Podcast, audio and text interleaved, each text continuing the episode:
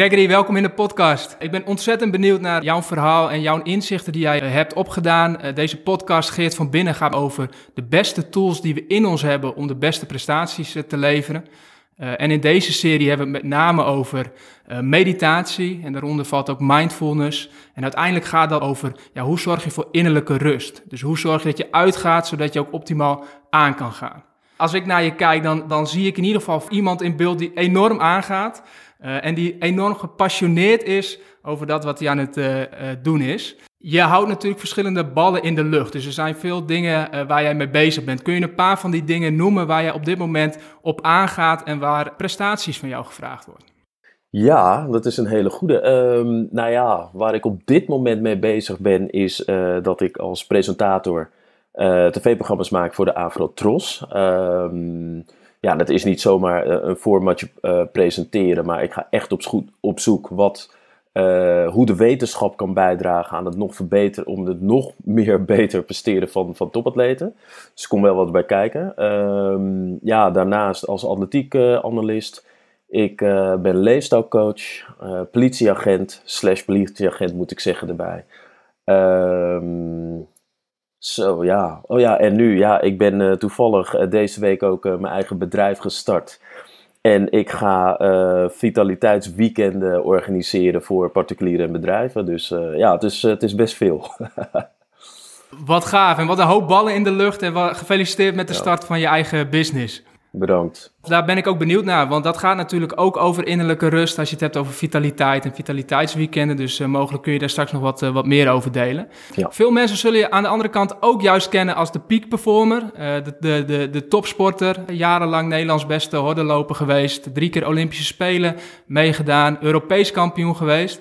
En dat ging natuurlijk over peak performance. Wat is voor jou het grote verschil daartussen als je het hebt over die topsportperiode, uh, dat, dat peak performance en, en de, de, de dingen waar je nu mee bezig bent, zoals het presenteren. Uh, wat ook performance is, high performance, maar wel een andere tak van sport lijkt me. Maar hoe zie jij dat? Ja, uh, ik sowieso heel veel parallellen tussen wat ik nu doe en, uh, en, en als topsporter. Want je moet altijd leveren. Hè? Als ik een tv-programma maak, dan wil ik uh, ja, dan wil je het zo goed mogelijk doen. Dat was op de baan ook zo. Alleen op de atletiekbaan was het verschil dat het vaak ging tussen winst en verlies. Hè. Op het moment zelf moet je echt leveren als je op de Olympische Spelen staat of in een finale staat van een kampioenschap. En daar, daar zijn de belangen heel erg groot. als ik tweede word of derde word of misschien wel de, de finale niet haal, dan heeft dat hele grote consequenties op de rest van het seizoen en het seizoen daarna. In het geval van ondersteuning, uh, sponsoring. Dus de druk om te presteren uh, ja, lag soms wel hoger bij als topsporter dan, dan wat ik nu doe. Aan de andere kant, we hebben uh, de beelden gezien, de rellen in Den Haag, in Rotterdam, in Eindhoven, uh, over vanwege het coronabeleid, nou, et cetera. Sta er maar aan als politieman we staan oog in oog vaak met mensen die uh, soms niks te verliezen hebben. Um, dus dan, dan sta je ook aan als we het hebben over hè, waar, ga je, waar sta je dan aan van. Dus je moet je voorstellen dat de druk om, uh, nou ja, om veilig thuis te komen, in mijn geval naar mijn gezin, hè, naar mijn vrouw, naar mijn kinderen, is ook heel erg hoog. En dat gaat soms, soms om leven en dood. Dus um, in die zin zie ik heel veel parallellen, waarbij aan de ene kant heel veel emotionele druk gaf als topsporter. Um, en aan de andere kant, uh, in mijn maatschappelijke carrière, geeft het ook heel erg veel druk om op dat moment heel snel te moeten leveren. Wat heb jij ontdekt in, in jouw carrière tot nu toe en jouw momenten dat die prestaties gevraagd worden en dat dus het omgaan met die druk gevraagd wordt? Uh, wat werkt daarin voor jou? Welke tools gebruik jij om met die druk om te gaan? Nou, het is wel grappig dat je dat zegt, want als jonge topsporter uh, hield ik me niet zo bezig met het presteren onder druk. Uh, ik denk ook dat het minder bespreekbaar was. Je ging niet zo, zo, snel naar een sportpsycholoog. Dat, dat was toen de tijd gewoon minder. Uh, dat is nu gelukkig beter geregeld. Maar ehm, wat ik deed is teruggrijpen naar routines, procedures, uh, nou, et cetera. Dus ik ging altijd weer terug naar de basis als ik moest presteren onder druk. Um, waar ben ik goed in?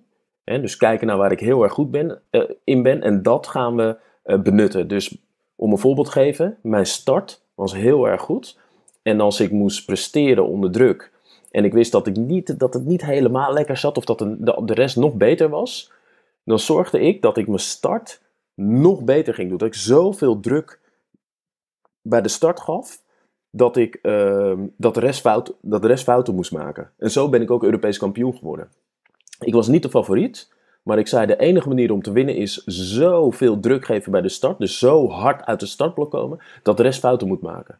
En dat gebeurde. Dus ik focus me heel erg op mijn sterke kanten. Als ik kijk naar hoe ik dat nu inzet, is dat heel anders. dus want we hebben het, ja, we kennen het allemaal, eh, het visualiseren, het, het, mediteren, kijken hoe je in een bepaalde rust in die flow kan komen. We, bij de politie soms wordt er ook wel wat lacherig over gedaan, hè, over ademhalingsoefeningen. Hè. Je gaat je, je hartslag een beetje proberen onder controle te krijgen. Maar aan de andere kant zeg ik, het arrestatieteam, het arrestatieteam doet bijna niet anders. Hè. Als zij een woning moeten betreden met een vuurwapen gevaarlijke verdachte en jij zit heel hoog in je hartslag, probeer dan maar in alle rust uh, de juiste beslissingen te nemen. Dat is natuurlijk een stuk moeilijker. Hoe vaak is het wel niet meegemaakt dat de verdachte, hè, dat je binnenkomt, verdachte staat ineens boven aan de trap in het donker met een wapen. Je primaire reactie is of schieten, hè, als we het hebben over fight, flight, of freeze, maar in principe is dat schieten, hè, dus je wil gelijk vechten. Of je wilt gelijk uh, uh, vluchten. Maar diegene heeft een kind, heeft een baby in zijn hand. Nou, probeer dan maar in alle rust een beslissing te nemen in een split second om te denken: hé, hey, ik zie een baby, ik trek me terug. Terwijl iemand met een wapen voor je staat. En dat kan dus eigenlijk alleen maar als je ook je hartslag onder controle hebt. En daarom is die hartslag zo belangrijk. Daarom is het visualiseren belangrijk. Hè. Oké, je komt de pand binnen. Bijvoorbeeld, ik trek het even op de, betrek het even op de politie. Maar dat kan met alles. Hè. Dat kan ook met topsport. Je gaat je race visualiseren. Je probeert alles een beetje onder controle te krijgen. Zodat op het moment dat je moet presteren, dat je er voorbereid bent. Nou, en dat is dan uh, denk ik hoe ik mij voorbereid op bepaalde situaties. Zowel uh, nu in mijn huidige werk bij de politie of als ik een tv-programma moet presenteren. Uh, nou ja, dat dus.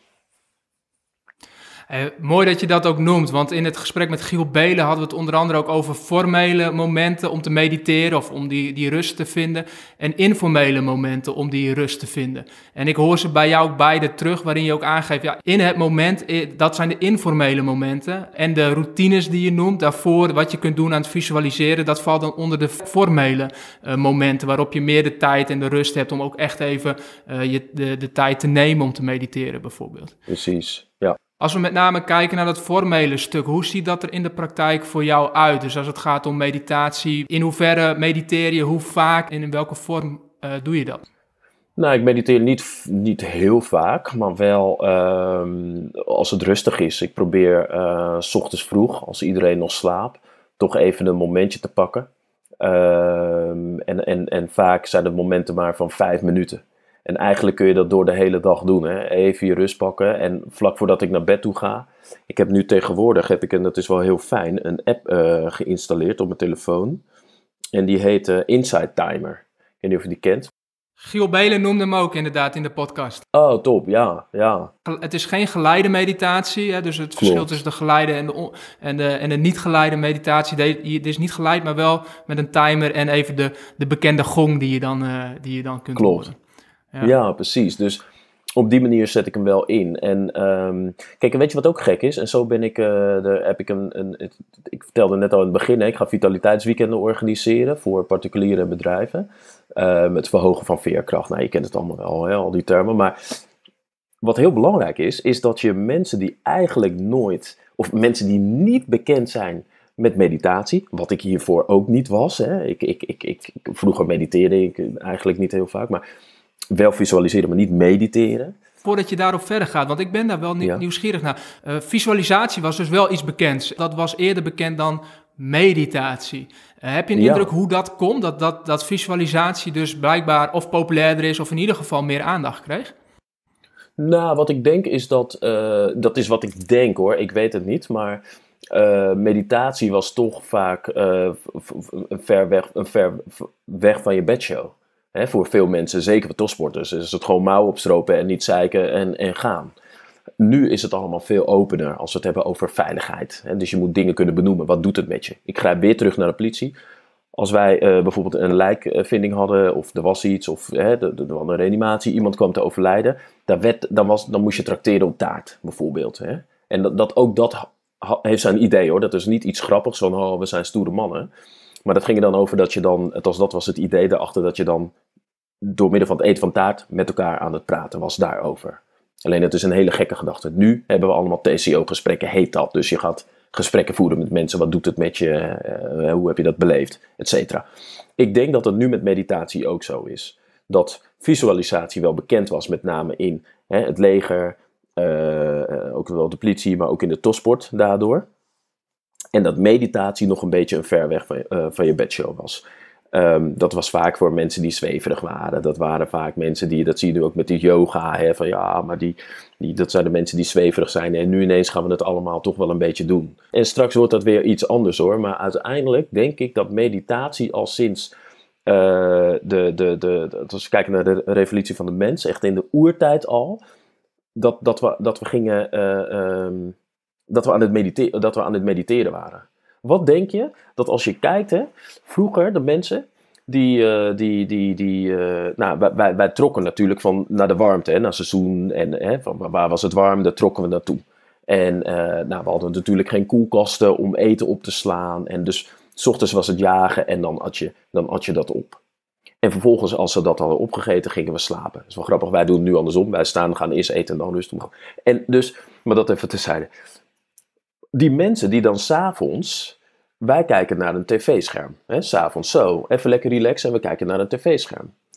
Zij zaten te staren naar, en dan heb ik gelijk het beeld van wat ik heb, dat ik in Zuid-Afrika bijvoorbeeld zit en ik zit boven op een berg en ik kijk eigenlijk richting Kaapstad. En dan zit je uren te staren. Dat is wat die mensen ook deden. Die zaten uren te staren.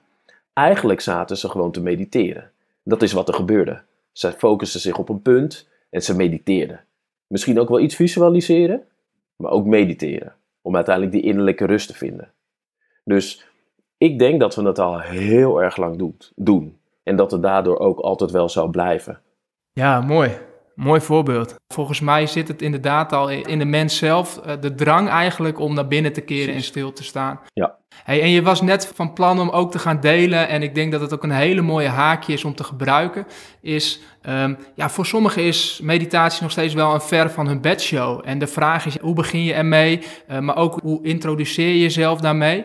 Uh, en daar wilde je over gaan hebben, over hoe je dat ook ziet in het kader van de, de vitaliteitsweekend. Ja, ja dat is niet de, de, PR-praatje hoor, maar dat is wel waarom ik er ook mee, uh, het werd eigenlijk versterkt. Ik had een teamweekend in, voor mijn werk bij de politie Ehm, in, een prachtige omgeving in de natuur. En wij mediteerden ook s ochtends. En ehm, een prachtige locatie. En toen dacht ik, wauw, dat heeft ook zoveel met mij gedaan. In die omgeving buiten. En dat was maar twee minuten. En in die twee minuten dacht ik aan mijn boodschappenlijstjes, wat ik nog smiddags moest doen. En dan boem, het was over. Toen dacht ik, oké, misschien moet ik me hier meer op focussen. Want wat ik hoor is dat heel veel mensen, en daarom kom ik er eigenlijk op hoor, dat is niet om. Maar dat heel veel mensen het eigenlijk wel willen, maar niet weten hoe. Zeg van nou, we gaan een minuutje bijvoorbeeld mediteren. En als je dan vraagt, waar denk je dan aan? Probeer eens aan niks te denken, wat denk je dan aan? Nou, dan denk je overal aan, behalve dat je zelf tot rust komt. En dat moet je trainen, dat moet je. En op een gegeven moment merk je, kun je dus een minuutje gewoon helemaal ingekeerd in jezelf komen bij bijna, ik vond het wel heel fijn om de diepere kernwaarden dan te ontdekken. Hè? Waar sta ik voor? Wat wil ik nou uiteindelijk? En dat kan pas als je daar de tijd voor neemt. En uh, in het begin denk je echt aan een, misschien je vrouw of je, je man of de, de, kinderen of huis. Dat lukt niet. En toen dacht ik van nou, hoe, hoe mooi is het om hier, hierin verder te gaan? Om hier mensen uh, zichzelf beter te leren kennen.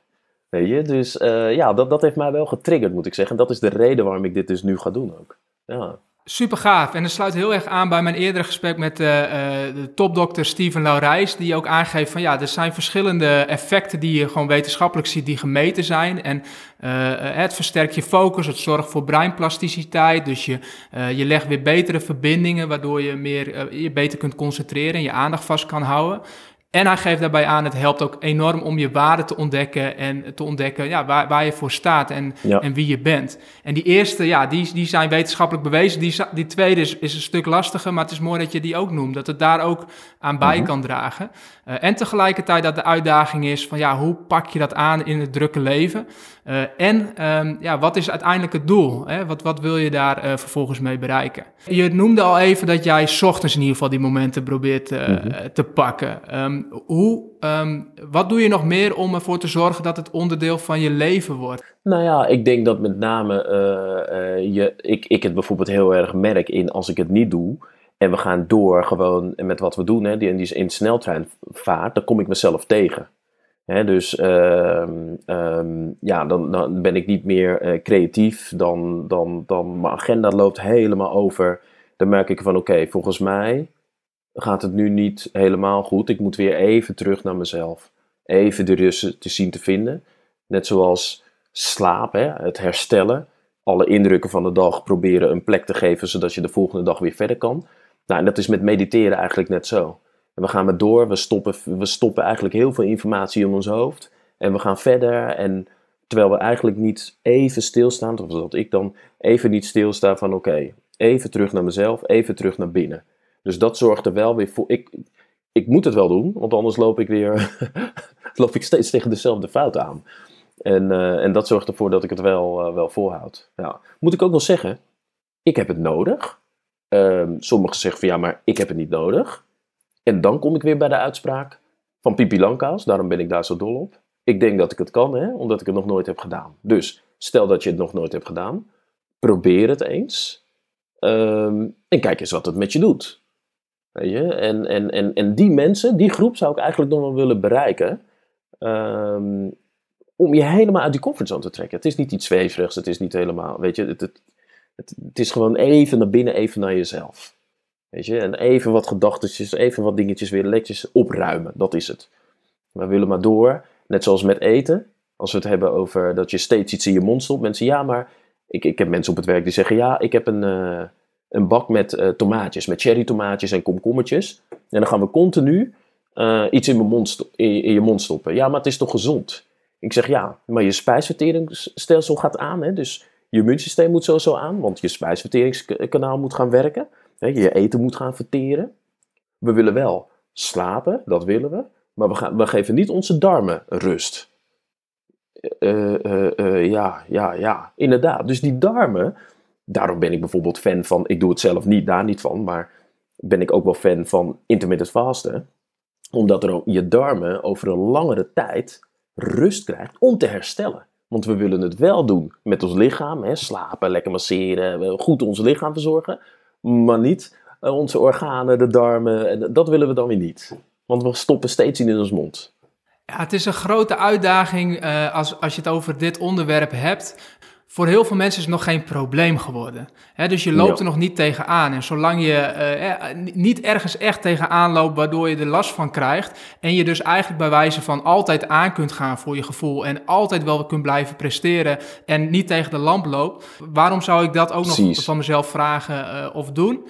Ja, en, en, en dat snap ik ook hoor. Dat snap ik ook heel goed. Ja, ik denk dat dat ook een grote groep is. Van ja, oké, ik zie wel dat het werkt. Mhm. Ik zie dat het nut heeft. Het zou mooi zijn. Het, ik zou er wat aan kunnen mhm. hebben, maar mm, vooralsnog gaat het goed. Juist voor deze mensen, welke uitdaging zou je ze willen geven? Of uitnodiging zou je willen doen?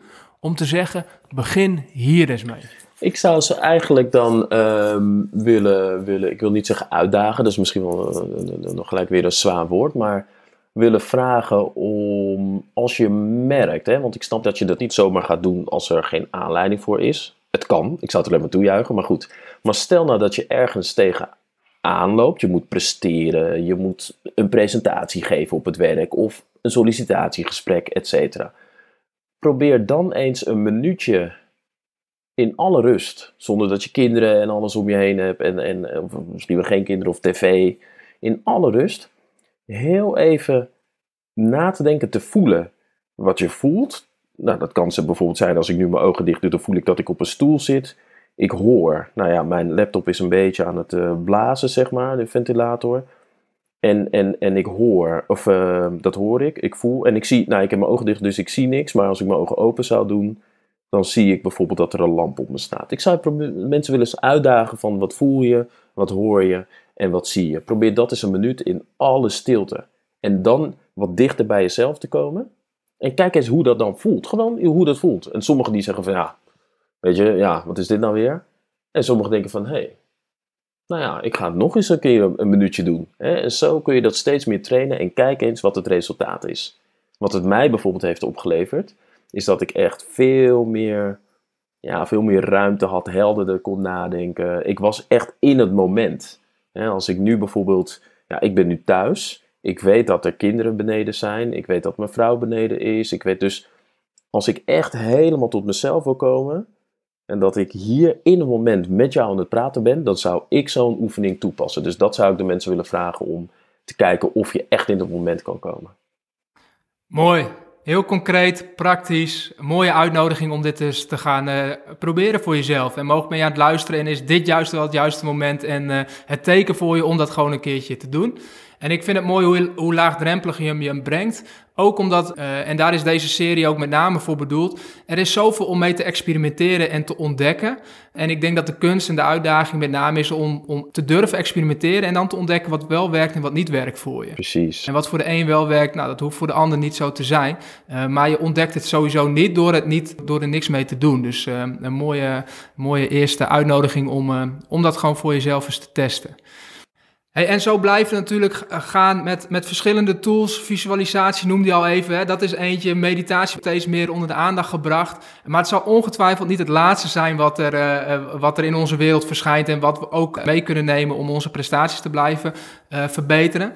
Um, tot slot als afronding, welke tool of welk inzicht, wat zie je eigenlijk waar misschien nog wat weinig aandacht voor is en waarvan je wel weet van hey, dit is eigenlijk iets waar nog wel winst valt te behalen of wat, wat mensen uh, die, uh, die, die het over high performance hebben en het maximale uit zichzelf willen halen, uh, ja, echt wel baat bij kunnen hebben, maar er is nog weinig aandacht voor. Wat, wat komt er dan bij je op? Nou, als ik dan twee dingen dan toch mag noemen, denk ik één, ademhalingsoefeningen. Dat is toch echt wel, dat wordt echt onderschat als we het hebben over die high performance, uh, of het nou werk is, of het nou uh, trainen is, dat, dat wordt vreselijk onderschat. Daar kun je heel veel mee, mee doen. Dus dat is één.